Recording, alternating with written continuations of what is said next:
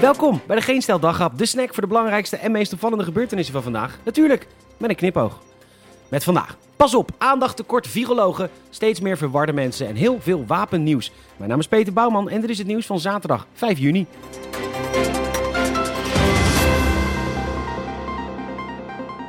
Even een waarschuwing voor de komende tijd. Het gaat erg goed met het vaccineren en dus raken bepaalde virologen en journalisten helemaal in de paniek.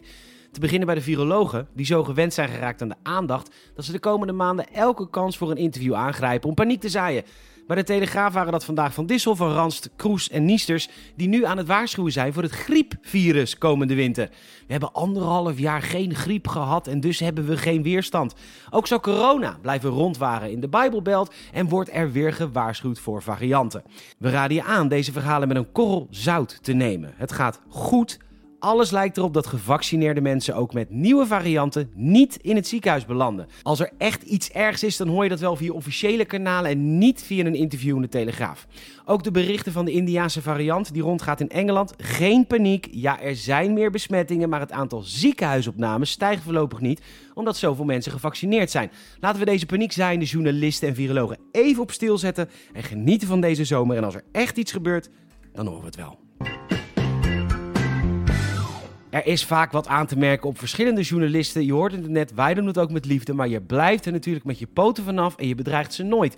Maar steeds meer journalisten worden helaas bedreigd. Dat meldt onze staatsomroep. 70% van de journo's heeft inmiddels te maken met bedreigingen, 17% met fysiek geweld. Maar laten we eens stilstaan bij de mensen die de journalisten bedreigen.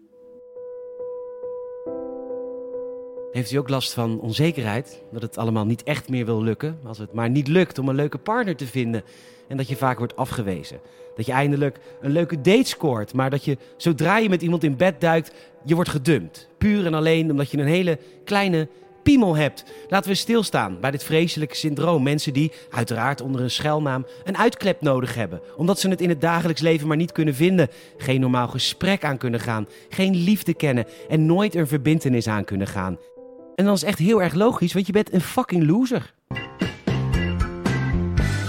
Oh, goeie, goeie, goeie, goeie Amsterdam. Het aantal meldingen van incidenten met verwarde personen is de afgelopen jaren toegenomen. Dat meldt nu. In 2017 waren het nog 7133 meldingen. In 2020 9097. De grootste stijging is natuurlijk te vinden in de wijk Eiburg. Daar zijn honderden verwarde GroenLinks en D66-stemmers die geen windmolens in het IJmeer willen, terwijl ze daar wel voor hebben gestemd. De wappies willen echter dat dit soort dingen worden opgelost door de rest van Nederland, ver uit het zicht, zodat zij zonder schuldgevoel en overlast weer GroenLinks en D66 kunnen blijven stemmen. Het is allemaal vreselijk en de GGZ sluit gedwongen opnames niet uit. Er komt weer een wapeninleveractie aan. Bij zo'n actie kunnen mensen hun wapens inleveren zonder daarvoor te worden vervolgd. En in dit geval moet het een discussie over het bezit van wapens onder jongeren op gang brengen. Dat meldt Omroep Zeeland. Wacht. Oh ja, sorry. Ik lees net dat het uh, Turneuzen is in Zeeland. En daar zijn dus helemaal geen wapens. Dus het CDA heeft daar waarschijnlijk weer aandacht nodig. Baba. Nou, bij deze CDA Turneuzen, succes met je wapenactie, hè. We hopen dat jullie veel aardappelschilmesjes, nagelknippers en veilen in beslag nemen. Zo schattig. Over wapens gesproken, we sluiten natuurlijk weer af met ons segment Wapennieuws uit de Verenigde Staten. In Californië heeft een rechter beslist dat het verbod op automatische wapens in strijd is met het tweede amendement. Dat meldt CNN.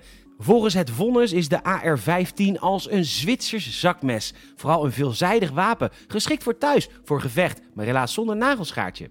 Volgens de rechter zijn howitzers, bazooka's en machinegeweren pas echt gevaarlijk. Ja, ja dat, dat is natuurlijk ook wel zo. Naast dit goede nieuws voor mensen in Californië is er ook nog wat moois te beleven in West Virginia. Daar kun je jachtgeweren en shotguns winnen als je je laat vaccineren, dat meldt The Guardian. Het was weer een prachtige dag in het land met letterlijk onbegrensde mogelijkheden. America.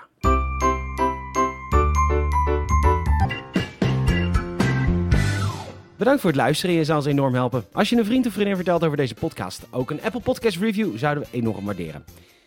Mooie zondagmorgen. Tot dan.